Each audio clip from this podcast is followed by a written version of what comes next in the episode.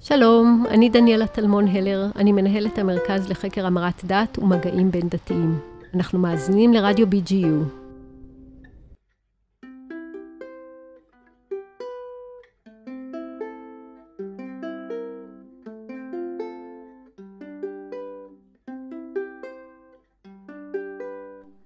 שלום, וברוכים הבאים לסדרת ההסכתים מרכז ופריפריה בדתות האברהמיות. חשיבה מחדש.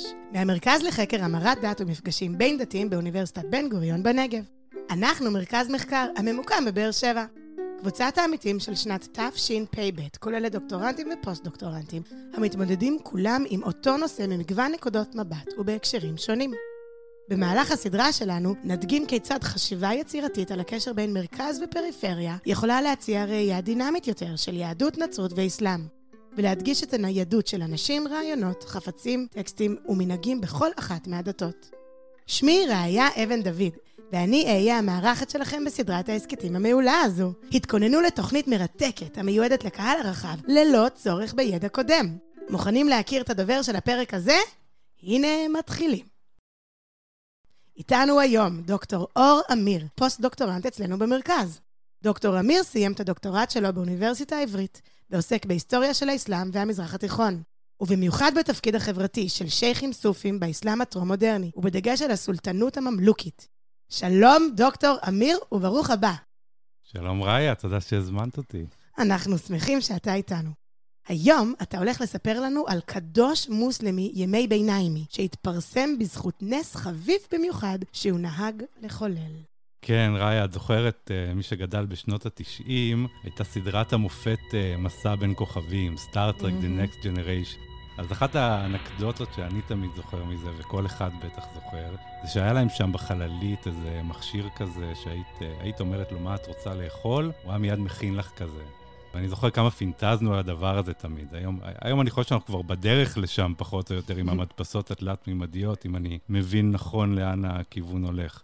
אז היום אנחנו נכיר את הגרסה המצרית המוקדמת לזה. קדוש מוסלמי שחי במאה ה-14 במצרים, והנס הגדול שלו היה שהוא היה מגיש תמיד לכל מבקר את המאכל שבו הוא חשק, בלי שהוא היה מגלה לו את זה מראש. פשי, נשמע נהדר. טוב, תכף תספר לנו מה היה מפנטז פלאח מצרי במאה ה-14 לאכול.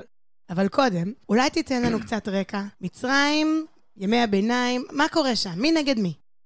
אוקיי, אז, אז אנחנו מדברים על ימי אה, שלטון הסולטנות הממלוכית באזור. מדובר במדינה חזקה מאוד ששלטה באזורנו, מה שהיום השטח של בגדול מצרים, סוריה, ארץ ישראל, לבנון וירדן. שלטה למשך, למשך למעלה מ-250 שנה, מ-1260 ועד 1517. והממלוכים היו למעשה אליטה צבאית של עבדים שיובאו מערבות אסיה בגיל צעיר, עברו הכשרה צבאית ואיזושהי אינדוקטרינציה דתית. התאסלמו, ואז זכו לאמנציפציה והיו למעשה ליחידות העילית של הצבא. מתוכם גם נבחר השליט.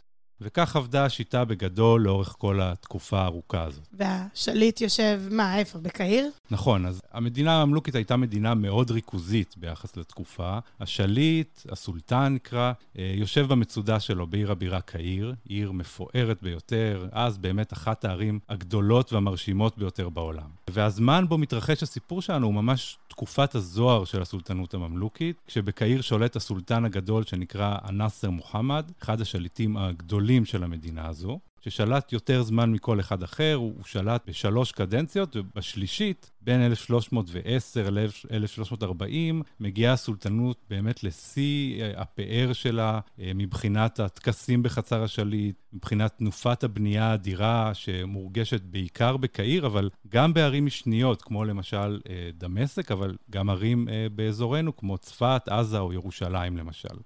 והכל מנוהל על ידי שליט מאוד מאוד ריכוזי, אפילו פרנואיד אפשר להגיד בהתנהלות שלו, שלא סמך על אף אחד וריכז באמת את כל הכוח בידיים שלו ושל קבוצה מצומצמת מאוד של אנשים שהוא יכל לסמוך עליהם. וקהיר היא המרכז, אבל המוקד שלנו היום הוא פריפריה, נכון? כן, אז באמת אנחנו לא בקהיר. אם קהיר היא המרכז, כמו שאת אומרת, אז אנחנו לגמרי בפריפריה, והסיפור שלנו מתחיל אה, בעיירה, אפשר להגיד אפילו כפר שכוח אל בצפון מצרים, אה, אזור הדלתא של הנילוס, בכפר בשם מוניית מורשיד. זה חור, אבל הוא ממוקם לא רק, כלומר, הוא נמצא על הנילוס, קצת יותר מ-150 קילומטרים צפונית לקהיר, ומשהו כמו 50 קילומטרים מזרחית לאלכסנדריה, שהיא העיר השנייה בחשיבותה במצרים. ואנחנו נחזור עוד לעניין של המיקום של היישוב הזה. אז שם, במוניית מורשיד, מתיישב לו אדם בשם מוחמד בן עבדאללה אל-מורשידי, והוא שייח' סופי. מה זה בעצם שייח' סופי? באמת, אולי לפני שנצא לדרך, נגיד משהו על מי הם הסופים ונשים את הדברים קצת בהקשר רחב יותר. אז מי, מי הם באמת הסופים? הסופיות היא מה שנוהגים לקרוא לו הזרם המיסטי באסלאם. ובלי להיכנס לשאלה אם זו הגדרה טובה או נכונה, ובהכללה גדולה, כי הסופיות זה באמת זרם מחשבתי או תנועה מאוד מאוד פופולרית ומאוד מאוד מגוונת. אפשר להגיד שהסופים הם אנשים שמקדישים את חייהם לטיפוח רוחני פנימי. הם דוחים את אבלי העולם הזה, והם מקדישים את כל כולם לאהבת האל, למלחמה באגו הפנימי ולמחשבות על העולם הבא. ולסופיות אפשר להגיד שיש בעצם שני פנים. אחד הוא באמת פנימי או מיסטי, וזה בא לידי ביטוי בכל מיני פרקטיקות שמוכרות לנו מהקשרים תרבותיים שונים, חלקם מוכרים לנו יותר. דברים כמו צומות, התבודדות וחיי סגפנות נוקשים. אבל, אבל יש גם פן מוסרי מאוד מאוד חשוב, וזה כולל אלטרואיזם, ובעיקר הקפדה יתרה על הלכות השריעה, ההלכה האסלאמית. כלומר, הסופים הם מוסלמים. הם מוסלמים טובים, אפשר להגיד, ובהכללה, ההוגים הסופים לרוב שמו דגש על כך שהבסיס להתקדמות הרוחנית הוא קודם כל קיום המצוות כהלכתן. לימוד עיקרי הדת והקוראן, ורק בהמשך מוסיפים על זה את המנהיגים המחמירים, את האקסטרה, אפשר להגיד, של הסופיות. ומה בעצם המטרה הסופית של הדרך הזו, דרך החיים הסופית? אז הסופים באמת משתמשים במונח דרך, זה מושג מרכזי מאוד בסופיות, אז כבר ראיה את חושבת במונחים סופיים. הסופיות היא דרך חיים, אבל היא גם דרך רוחנית, שהחניך צועד בה, בהדרכתו של מדריך מנוסה, ומתקדם בה בדרגות או בתחנות השונות שלה. והשלבים הסופיים של הדרך הזו, שלא כל אחד כמובן זוכה להגיע אליהם, כוללים באמת מעין אובדן מוחלט של האגו, של האני, ומעין אה, השגת איחוד מופשט עם האל. וואו, זה באמת רמה רוחנית גבוהה. אז מה ההשלכות של הגעה למצב תודעתי שכזה?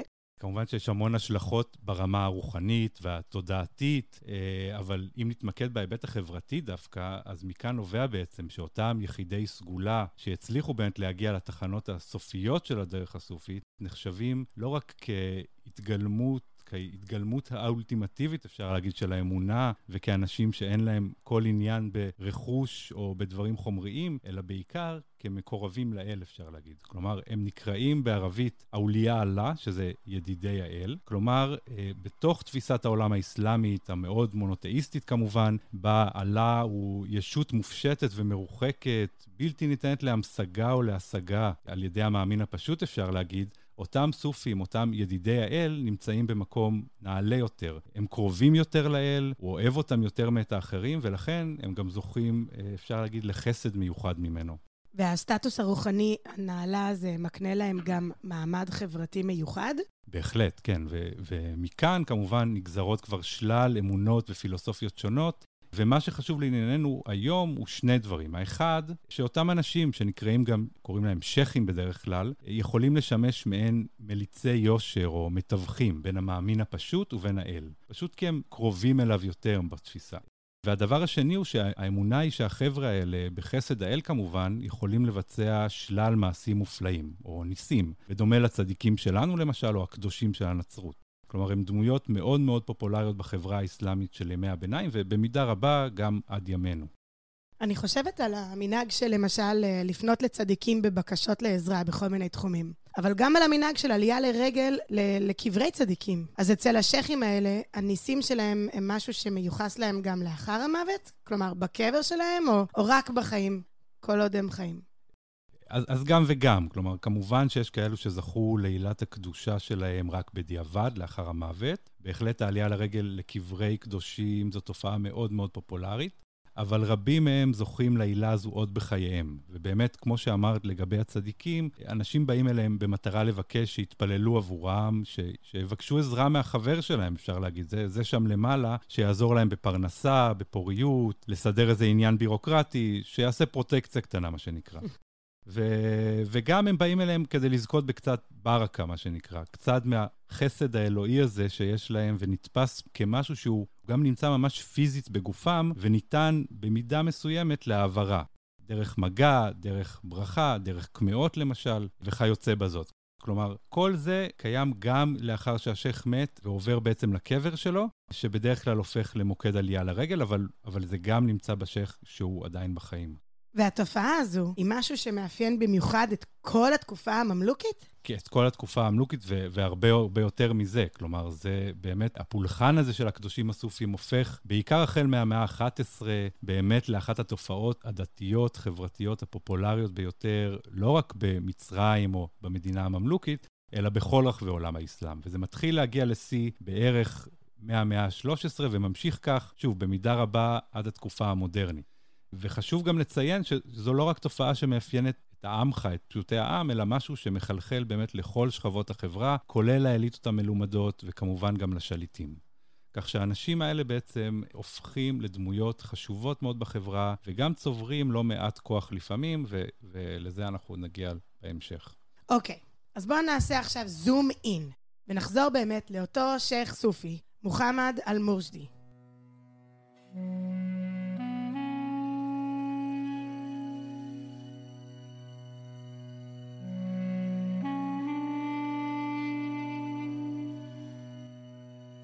אמרת שהוא התיישב לו באותה עיירה נידחת בצפון מצרים. ומה קורה איתו שם?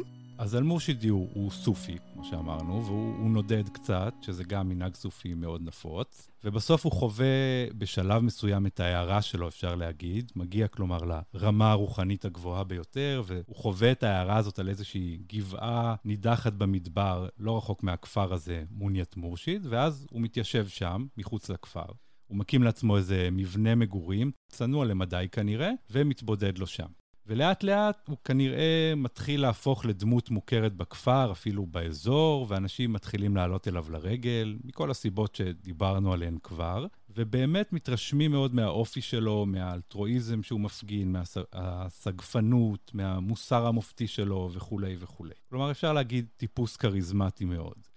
וכמו שקורה לעיתים קרובות, מתחילים להפיץ כל מיני סיפורים על הניסים שהוא מחולל. שוב, דבר מאוד מקובל אצל שייחים כאלה. עכשיו אנחנו מגיעים לנס המובטח. אז הוא קורא את המחשבות של המבקרים ו- ועוד כל מיני דברים די גנריים אצל קדושים מהסוג שלו, אבל באמת הוא זכה לפרסום בעיקר בשל אה, נס אחד שהוא נודע בו יותר מכל. ומה שמסופר זה שכל פעם שהיה מגיע אליו מבקר, ושוב, אנחנו צריכים כאן לזכור את המיקום של כל הסיפור הזה. כפר די נידח במצרים, והשייח יושב לו מחוץ לכפר במבנה מבודד, אז כל מבקר שהיה בא אליו, השייח היה יודע מראש בדיוק מה מתחשק לו לאכול או לשתות, מכין לו את המאכלים או המשתים האלה מראש, ומגיש לו מיד כשהוא היה מגיע. אתה חושב שיש משמעות לנס הספציפי הזה דווקא? בהחלט. זה נס שמשקף מצב חברתי וגיאוגרפי מסוים, נס שמשקף חברה של מחסור, של דלות, ו- וגם משקף, שוב, כפר שנמצא רחוק מהעיר הגדולה, מקום שאין בו יותר מדי מותרות. בתל אביב של ימינו, למשל, הנס הזה לא היה מרשים אף אחד, נכון? יש, יש כבר קדוש כזה, קוראים לו וולט. כלומר, נגיד את זה ככה, בחברת שפע, הנס הזה כנראה לא היה בא לעולם. אבל כשאנחנו חושבים על השייח שגר לו לבד, במבנה צנוע, באמת באמצע שום מקום, אז יש לנו כאן סוג של נס כפול.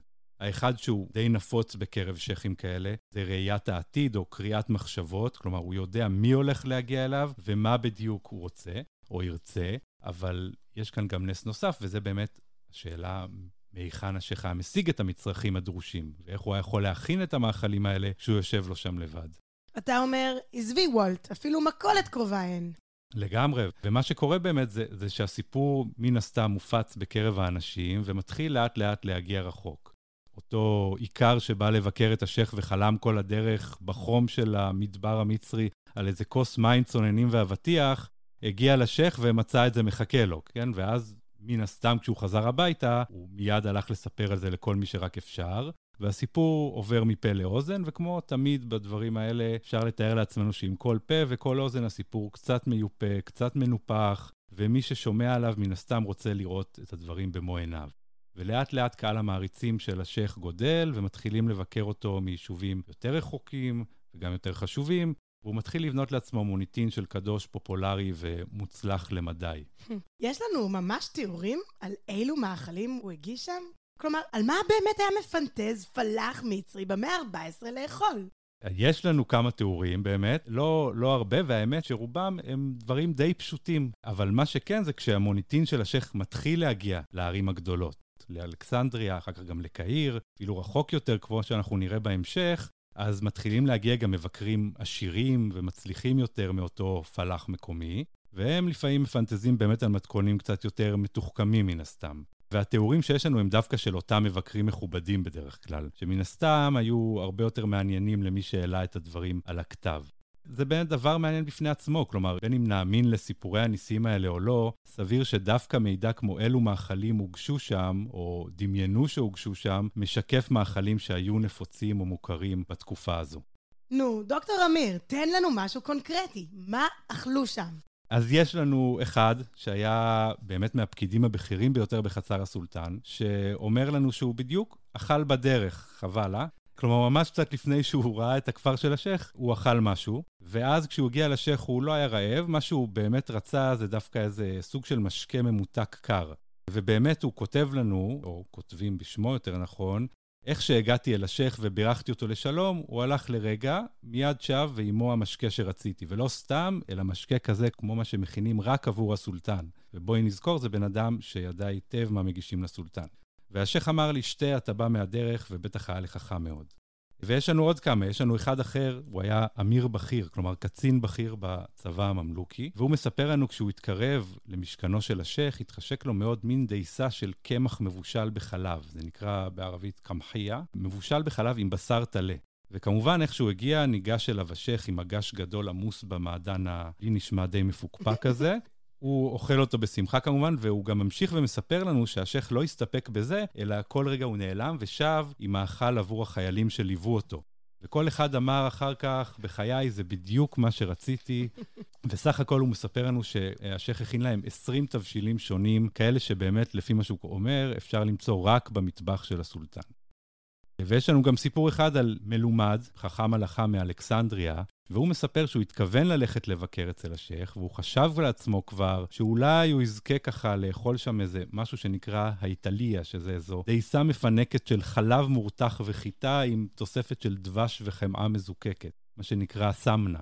ויש לנו גם, אגב, ממש מתכונים איך להכין את המאכלים האלה שנשתמרו מהתקופה הממלוכית, אנחנו עוד יודעים בדיוק מה הרכיבים. אבל מה, הוא נאלץ להתעכב באלכסנדריה בגלל כל מיני אילוצי עבודה. עברו יומיים, והגיע אליו לשם שליח מאת השייח ואמר לו, השייח מברך אותך ושלח לך את הדבש והחמאה האלה כדי שתכין בעצמך דייסה איתם, ואם הדייסה לא הייתה מתקררת בדרך, הוא היה גם שולח לך אותה. שיהיה ממש וולט. כן, זה כמו שאנחנו מדברים על לקנות משהו ומיד צצות לנו מודעות בגוגל, נכון? אבל באמת אותו חובב דייסות מלומד מעיר אחר כך שהוא נשבע שהוא לא סיפר לאף אחד, לא על זה שהוא מתכוון ללכת לבקר את השייח, ובטח לא על הדודה שלו לדייסה. אז בקיצור, זה סוג הסיפורים, כן? וקצת מסוגי המאכלים שעליהם מדובר שם באמת. ממש מרתק. אבל עכשיו אני רוצה לשאול אותך, מי בעצם כותב את הסיפורים האלה? מאיך שאתה מספר את זה, זה נשמע שיש כאן ציטוטית של אנשים ידועים, שלכאורה היו ממש עדי ראייה לניסים האלה, אבל בסופו של דבר, מי מעלה אותם על הכתב, ומתי? כמה זמן לאחר מותו של השייח נכתבו הסיפורים עליו? אז אם היה מדובר כאן בחסידים של השייח שמנציחים את מעלליו בדורות שלאחר מותו, היה באמת די קל יותר להתייחס לכל הסיפור הזה בביטול אולי. מה שמעניין כאן אבל זה שיש לנו מספר רב של מקורות שנכתבו על ידי אנשים שהיו ממש בני זמנו של השייח, וכתבו ממש עוד בימי חייו או שנים מעטות לאחר מותו. ויותר מזה, הם לא, הם לא חסידים שלו, אין להם בדרך כלל שום אינטרס להלל אותו, וחלקם אפילו מביעים סקפטיות מסוימת לגבי הסיפורים האלה. אין כאן איזו קבלה עיוורת של סיפורי ניסים. לא, לא בהכרח, ממש לא. הדבר קשור מאוד לנטיות של הכותב ומה היחס שלו בגדול לקדושים הסופים ולפולחן שלהם, וזה משהו שאולי נגיע לזה באמת בהמשך. אבל דוגמה נהדרת היא זו של אדם בשם אחמד אבן פדללה אל-עומרי, והוא היה נצר למשפחת פקידים מאוד מצליחה, בירוקרטים בכירים במדינה הממלוכית. בעצמו הוא היה אחד הפקידים הבכירים ביותר תחת אותו סולטן, הנאסר מוחמד, ששלט בתקופה הזו.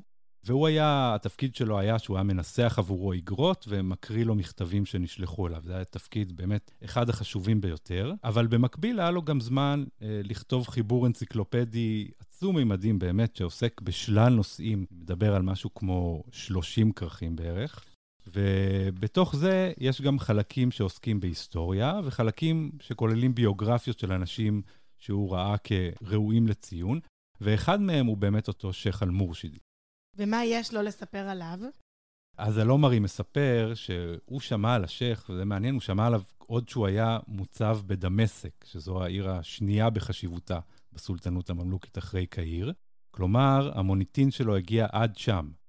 והוא כותב שמאוחר יותר, כשהוא עבר למשרה יוקרתית יותר בבירה בקהיר, הוא החליט שהוא חייב לפגוש בשייח אחרי כל הסיפורים שהוא שמע עליו, בין היתר כי הוא כותב שיש חילוקי דעות לגביו. יש כאלה שאומרים שמקור הניסים שלו מהאל, שזה כמובן טוב, ויש אומרים שהם מהשטן, שזה פחות טוב.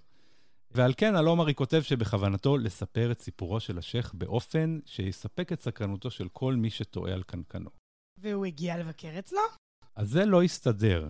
כל מיני אילוצי לוז שונים אה, מנעו ממנו להגיע ממש לבקר אצלו, אבל כמו שאמרתי, היו לא מעט חבר'ה מהפמליה של הסולטן שכן באו לבקר אצל השייח, ונראה היה שמזלו של אולטו על עומרי, ההיסטוריון שלנו, שיחק לו, כי יצא מקרה באמת והשייח דווקא הגיע לקהיר. הוא היה בדרך שלו לערוך את החאג', את העלייה לרגל למכה. בדרך הוא עבר בקהיר, וכיאה למעמדו כצדיק גדול, הוא זומן לחצר הסולטן, ש, שבעצמו כנראה השתוקק לפגוש בו.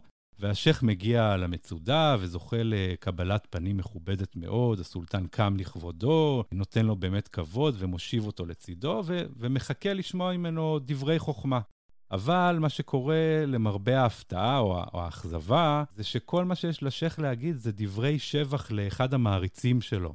אדם שנקרא פחר א-דין, הוא היה סוג של שר האוצר, האיש אה, עם היד על הברז של קופת המדינה, איש מאוד חזק ומשפיע, שתכף אנחנו גם נגיד עליו משהו.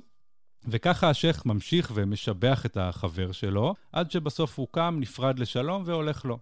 ואיך שהוא הולך, הסולטן עצבני אומר לאחד היועצים שלו, וואלה, אם לא הייתי מתבייש, הייתי נותן לו סטירה. והוא אומר שאדם שכזה, צדיק שכזה, אתה מצפה לשמוע, לשמוע ממנו איזה דבר תורה, עצה מוסרית, משהו כזה, ולא סתם דברי הלל לאיזה בירוקרט מקורב אליו. ואחר כך הלומרי שלנו באמת עוד רצה ללכת לפגוש את השייח ככה לפני שהוא עוזב את קהיר, אבל הבהירו לו שהסולטן לא יהיה מרוצה מזה שהוא ילך לפגוש אותו, והוא נאלץ לוותר, וכך עברה ההזדמנות האחרונה שלו לפגוש אותו בעצמו. אז הוא לא מספק לנו תשובה לגבי אמינות סיפורי הניסים של השייח. אז עכשיו גם פתאום אנחנו רואים כאן איזה צד שלילי, או מפוקפק משהו שלו. כן, ועכשיו אנחנו גם, מהדברים של אלעומרי, שאני אדבר עליהם עכשיו, אה, אנחנו גם נכנסים ממש למאחורי הקלעים של הנס, אפשר להגיד. כי אלעומרי אומר שהוא... הוא עצמו אמנם לא זכה לחזות בדברים במו עיניו, אבל הוא כן מביא לנו דברים, אה, עדויות מפי אחרים, ואנחנו נשפוט בעצמנו. ואחרי שהוא מצטט את כל הסיפורים, שחלקם כבר אה, שמענו קודם, ועוד כמה, הוא מספר לנו שהיו אנשים שטענו שמדובר באחיזת עיניים. שלא מדובר כאן בקדוש ולא מדובר בנס, אלא בשרלטן מדופלם. והוא כותב לנו שהאנשים האלה טענו שהשייח שיתף פעולה עם הקאדי, השופט המקומי של העיירה הסמוכה למקום מגוריו, עיירה שנקראת פואה, והם שניהם ביחד ככה הרוויחו מהסיפור הזה. עכשיו, העיירה הזאת, פואה, ממוקמת גם היא על הנילוס, כך שבעצם כל מי שמגיע מקהיר לכיוון מוניית מורשיד, הכפר של השייח, יהיה חייב פחות או יותר לעבור דרכה. והטענה הייתה שבכל פעם שהיה מגיע אדם לעיירה הזו, בדרכו להמשיך לביקור אצל השייח, הקאדי המקומי הזה היה יוצא לפגוש בו, מארח אותו, יוזם עמו שיחה, ותוך כדי השיחה הוא ככה היה מתעניין באילו מאכלים הוא מתכוון לבקש מהשייח כשיגיע אליו. ואז הוא היה שולח שליח עם מכתב לשייח, שהיה מגיע בעצם לפני המבקרים, יחד עם כל המצרכים לצורך הכנת המאכלים האלה, והוא גם היה מציין לו סימנים מזהים לכל אחד מהמבקרים שעתידים לבוא, כדי שהשייח ידע לזהות אותם כשהם מגיעים, ומיד להגיש להם את המאכל שאותו הם רצו. והדבר כמובן להם ייראה כמעשה נס מדהים. וואו, ממש נוכל. וגם חתיכת אופרציה כאן מאחורי הקלעים. באמת הלומרי גם ממשיך מיד להטיל ספק גם בסיפור הזה, גם בטענה הנגדית הזאת, והוא מראה לנו שגם הסיפור הזה הוא מופרך בפני עצמו ונותן כל מיני סיבות לכך. אבל מה שמעניין כאן באמת זה שאנחנו מקבלים כאן הצצה באמת נדירה למאחורי הקלעים של סיפורי הניסים האלה, אבל יותר מזה אפילו לסקפטיות של בני התקופה לגביהם, ולפולמוס לגבי יכולתם של אנשים מסוימים לחולל ניסים. אז מה פוסק לבסוף על עומרי הבירוקרט שלנו? אז הוא מסכם בכך שלפי כל הסימנים הגלויים, השייח היה אדם צדיק, מוסרי, ירא שמיים, ולגבי הניסים הוא מסכם בביטוי הכל כך אהוב על ההיסטוריונים המוסלמים כשהם מספרים משהו שהם לא לגמרי בטוחים בנכונותו, אללה עלם, אלוהים יודע, אני לא תפקידי לשפוט כאן. אם ניקח את הסיפור הזה עכשיו, מעבר לעניין הניסים, כן או לא, עדיין נראה שיש לנו כאן דינמיקה מעניינת של דמות פריפריאלית, שמצליחה לחדור למעגלים הכי אקסקלוסיביים בחצר השליט. מה זה מלמד אותנו על יחסי מרכז ופריפריה במדינה הממלוכית בימי הביניים? אז הסיפור הזה מלמד אותנו הרבה. בין היתר, על אחת הדרכים בהן מדינה ריכוזית כזו מצליחה לבסס את שלטונה במחוזות פריפריאליים, מרוחקים ממוקד השלטון. וגם משהו על סוד הצלחתם של הקדושים הסופים בחברה הזו, ועל איך הם שימשו בעצם איזושהי חוליה מקשרת או מתווכת בין השלטון והנתינים. כי מה יש לנו כאן בעצם? יש לנו אדם שבזכות אורח החיים שלו, הכריזמה שלו, זוכה להכרה מקומית כדמות מופתית, כקדוש בעצם, ומכאן, בדרכים שצריך להודות שהן די נסתרות מהעין, מתחילים לייחס לו מעשים מופלאים, והמוניטין שלו כמחולל ניסים מתחיל להתפשט, עד שבאמת מגיע לאוזניהם של אנשים רמי דרג. כמו שאמרנו, ביניהם שרים ופקידים אה, בכירים בחצר השליט. והם מתחילים לבוא בעצמם כדי לראות במה מדובר, ולזכות במשהו בעצם מהברקה של הקדוש הזה. וזה מוליד בטח שינוי במעמד שלו, גם ברמה המקומית. בדיוק, וכשמתחילים להופיע אצלו משהו משתנה. המעמד שלו עובר באמת, כמו שאמרת, איזשהו שדרוג, אפשר להגיד. עכשיו, אם את זוכרת, אמרנו קודם שהקדושים הסופים נתפסו כידידי האל, כבעלי קשר ישיר לאלוהות, אפשר להגיד, משהו שבעצם ממנו נובע מעמדם בחברה. וזו בעצם הסיבה העיקרית שאנשים עולים אליהם לרגל, כי הם יכולים לבקש מהם בעצם שיבקשו עבורם פרוטקציה מהחבר שלהם, שהוא, בואי נאמר, חבר עם השפעה לא קטנה, בכל זאת, אלוהים. אבל מה קורה לו אה, אה, כשאותו קדוש בעצם יש לו ערוץ תקשורת פתוח לא רק עם האל, אלא גם עם אנשים בעלי השפעה רבה בעולם הזה, כאן ועכשיו. אנשים שיכולים גם הם למלא לא מעט בקשות. אולי לא לגרום לחולה להחלים או לאישה קרה להרות, אבל כן לתקן עוולות שנגרמו על ידי פקידים עושקים למשל, אה, לסדר איזו בעיה בירוקרטית עם תשלום מיסים, אולי לסדר איזה ג'וב, כלומר עזרה בפרנסה ו- ודברים כאלה. אז, אז כאן העסק נהיה מעניין לדעתי, וכאן יש איזשהו טשטוש גבולות שכזה בין אה, ענייני קודש וחול, אפשר להגיד. מעניין. איך אנחנו רואים את זה, למשל, בסיפור של השייח שלנו? אז הזכרתי קודם שאחד ממעריציו הגדולים של השייח היה אחד בשם פחר א-דין, שהיה מעין שר האוצר של הסולטנות, אבל הוא היה יותר משר האוצר. הוא היה נגיד שר האוצר אה, הממונה על ההגבלים העסקיים ועל רשויות המס ביחד, משהו כזה, כן? כלומר, אה, אף אחד לא הפריע לו לעשות מה שהוא רוצה, והוא שלט לגמרי בכל הוצאות והכנסות המדינה, ובאופן טבעי הוא גם ידע היטב לדאוג לעצמו. הוא גם היה ידוע כאחד שדואג תמיד למקורבים לו. ומסופר עליו שהוא היה כל כך ריכוזי ובעל אחיזה כל כך חזקה על קופת המדינה, שהסולטן הנאסר מוחמד, שלהזכירך היה בעצמו שליט סופר חזק וסופר ריכוזי, היה צריך ממש לבקש ממנו אישור לכל הוצאה קטנה, עד כדי כך שכשבישרו לסולטן שהוא מת, אחרי 20 שנים שלו בתפקיד, הסולטן סינן איזשהו ברוך שפטרנו כזה. כלומר, סוף סוף אני אוכל לשלוט בכספים שלי בעצמי. כלומר, מישהו שהיית רוצה שיהיה בצד שלך. לגמרי. ולגבי השייח' המורשידי, סופר בפירוש שמעמדו עלה ושמו התפרסם בכל רחבי מצרים, באמת במידה רבה תודות להערצה שהוא זכה לה מאותו שר האוצר פחר א-דין. כלומר, כולם ידעו שיש לו קשרים טובים איתו ויכולת להשפיע עליו, ובוודאי שכולם ידעו מה מעמדו ויכולותיו של אותו פחר א-דין, ואז אנחנו שומעים שהשייח היה באופן תדיר מעביר מכתבים לפקידים הבכירים ביותר בחצר הסולטן, עם כל מיני בקשות להתערב למען החסידים שלו, והבקשות האלה, כך מסופר, תמיד היו נענות בחיוב כמובן. כלומר, יש לנו כאן שייח' סופי שיושב במקום נידח ביותר, אבל יש לו ערוץ ישיר לאנשים המשפיעים ביותר במדינה, והוא עושה בו שימוש רציף כדי לסייע לאנשים סביבו. וזה יכול להיות באמת לאותם פלאחים, אותם איכרים שיושבים באזור המרוחק הזה, אבל זה גם יכול להיות לחסידים שלו בדרגים הגבוהים, שאולי צריכים איזושהי עזרה בתיווך בתככים הפוליטיים שהם נקלעים אליהם. ועל הדרך, הוא גם דואג לעצמו? הוא לוקח איזו עמלת תיווך? או, זו, זו, זו השאלה הגדולה כמובן. והיא מתקשרת גם לביקורות על השייח ועל ההאשמות שהועלו כנגדו בשרלטנות. כי ברגע שאתה מתערבב בפוליטיקה, מתרועע עם האנשים החזקים האלה, אתה הופך לאיש חזק, לאיש משפיע, וזה באופן טבעי גם מקים נגדך אויבים. אבל יותר מזה, זה לכאורה גם עומד בסתירה למה שמצפים משייח' סופי כזה. כלומר, אחד שאמור להיות מנותק מעניינים חומריים, מבעלי השררה, שכל מעייניו אמורים להיות במסע הרוחני ומחשבות על לחפש את הקרבה לאל ועל העולם הבא. אבל לשאלתך, אין לי אף עדות ישירה שהשייח לקח לעצמו משהו, ובכלל, נדיר ביותר שנמצא עדויות כאלה. כלומר, לא יכתבו דברים כאלה בדרך כלל אנשים כאלה. מה שכן, אנחנו שומעים למשל שהשייח מעורב בכל מיני עסקי מסחר, שזה גם דבר שמעורר ביקורות, או אפילו לגבי המשאבים שאפשרו לו בסופו של דבר לארח את כל המבקרים האלה.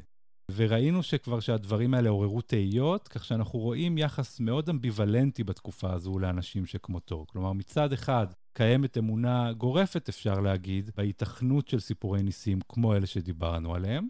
מצד שני, תמיד יש מידה של סקפטיות, או אולי יותר נכון, מודעות להיתכנות שזה שנחשב לקדוש הוא בעצם שרלטן. מנקודת מבט קצת צינית אולי מהפרספקטיבה שלנו, אם אנחנו יוצאים מתוך הנחה שניסים לא הראו פה, הרי שאנחנו יכולים לבדוק באמת כיצד יתאפשרו בעצם התנאים הבסיסיים עבור שייח שכזה לקיים את מפעל האירוח שהוא נודע בו. וכאן אנחנו צריכים לבדוק באמת את הקשרים שלו עם אנשים בעלי משאבים. כלומר, אנשים שיכולים היו לעזור לו בכך. ואם להיות אפילו עוד יותר ציני, הייתי אומר שחלק מאומנותו של הקדוש היא אולי לדעת כיצד לפעול בעולם הזה, להתחבר לאנשים הנכונים, ולקבל את ההטבות שלהם, מבלי שהדבר יתאפס באמת כאילו הוא נעשה לשם אינטרסים ארציים, אלא רק לשם שמיים. ממש מעניין. דוקטור אמיר, אנחנו מתקרבים לסיום, ורציתי לשאול אותך, כי ציינת את הסתירה הזו בין התפיסה של השייח הסופי המדיטטיבי, מנותק מהעולם, ובין התמונה שאתה מצייר כאן בעצם, ואני תוהה, איך באמת הסופים מיישבים את הסתירה הזו?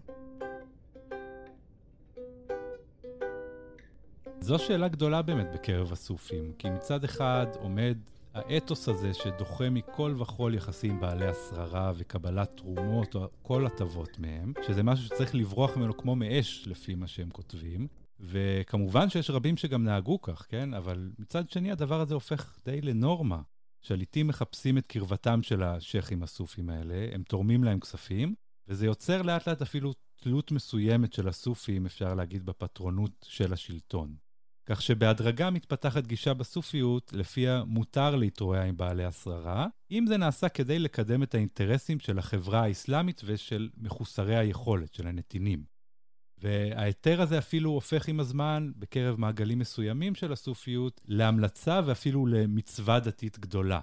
כלומר, אם אתה יכול להשפיע על השליט לעשות טוב, לא לעשוק את האוכלוסייה, לקיים את מצוות האסלאם, אז חובה עליך לעשות זאת. אבל למרות שכמובן אף שייח' סופי לא יציג את עצמו כמי שמחפש את היחסים האלה, הם תמיד עושים את זה לכאורה ממניעים אלטרואיסטיים טהורים. וכמה הגישה שמאפשרת או מעודדת אפילו יחסים עם השלטון, הופכת למיינסטרים של הסופיות? או האם יש גם סופים שבכל זאת תוקפים את חבריהם שבוחרים להתרועע עם אותם בעלי שררה? כן, בהחלט, וניתן לראות באמת גם שחלק מהביקורת על השייח' אל-מורשידי מגיע, מגיעה משייחים סופים אחרים שבזים להתנהלות הזו. למשל, יש לנו שייח' אחד שחי בזמנו באלכסנדריה, שכששאלו אותו פעם על, ה, על השייח' שלנו, הוא ענה בסרקסטיות שהוא טועה מתי האיש הזה מתפנה בכלל לזכור את האל, בהתחשב בכל הזמן שהוא משקיע באירוח האורחים רמי המעלה שמגיעים אליו. והאמירה הזו יכולה להיות כמובן אולי היא מבוססת על קנאה או על תחרות בין קדושים על השפעה, אבל היא גם מתקשרת באמת לשאלות המהותיות בסופיות לגבי עד כמה הקדוש הסופי צריך להיות מעורב בענייני העולם הזה, וכיצד עליו לנהוג באותם ניסים שהאל מאציל כלפיו. כי יש גישה מאוד רווחת בסופיות שאת מעשי הניסים האלה צריך להסתיר מהציבור. בין היתר כי הם יכולים להוות מקור ל- ליוהרה, לחשיבות עצמית, שזה בדיוק ההפך ממה שהדרך הסופית מבקשת בעצם. וככה יש לנו גם למשל שייח אחר שחי באותו זמן, שכששאלו אותו על אל-מורשידי, הוא אמר שאם מעשי הניסים שלו עצמו היו נעשים גלויים לחול בצורה כזו, הוא היה מתחבא בתעלה מתחת לאדמה מהבושה. אז שוב, השאלה כאן האם הדברים האלה נאמרים מתוך קנאה או מרירות, או מתוך השקפת עולם כנה. אז זה נשמע כאילו סיפורו של השייח הופך בעצם למין כלי בפולמוסים אידיאולוגיים, או תיאולוגיים, בקרב הסופים בתקופתו.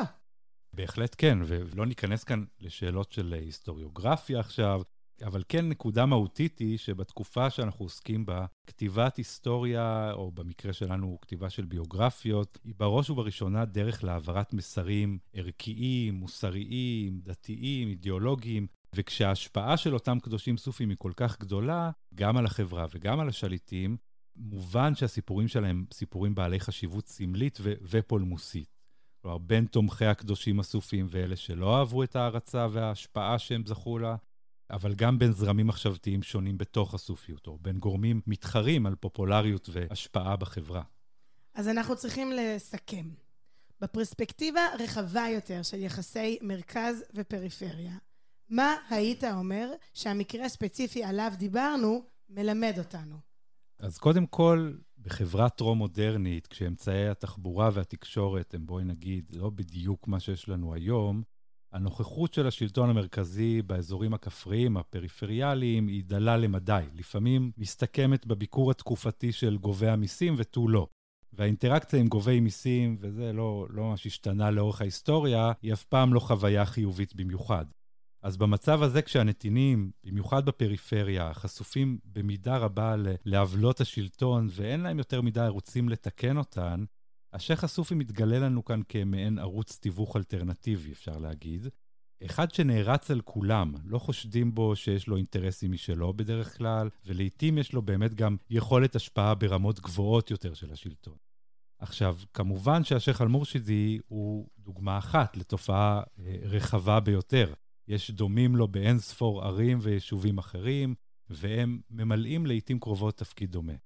ומה שקורה זה שכולם מרוויחים מהמצב הזה, איך שאני רואה את זה. העיקר שרואה בשייח הקדוש מקומי יכול לקוות שדרכו הוא יוכל למצוא איזושהי אוזן קשבת בקרב השלטון. השליטים מוצאים כאן איזושהי זהות ערכים עם הנתינים שלהם, וגם כלי שמעניק לנתינים תקווה שיש מי שמקשיב להם, שזה חשוב מאוד לכל שלטון.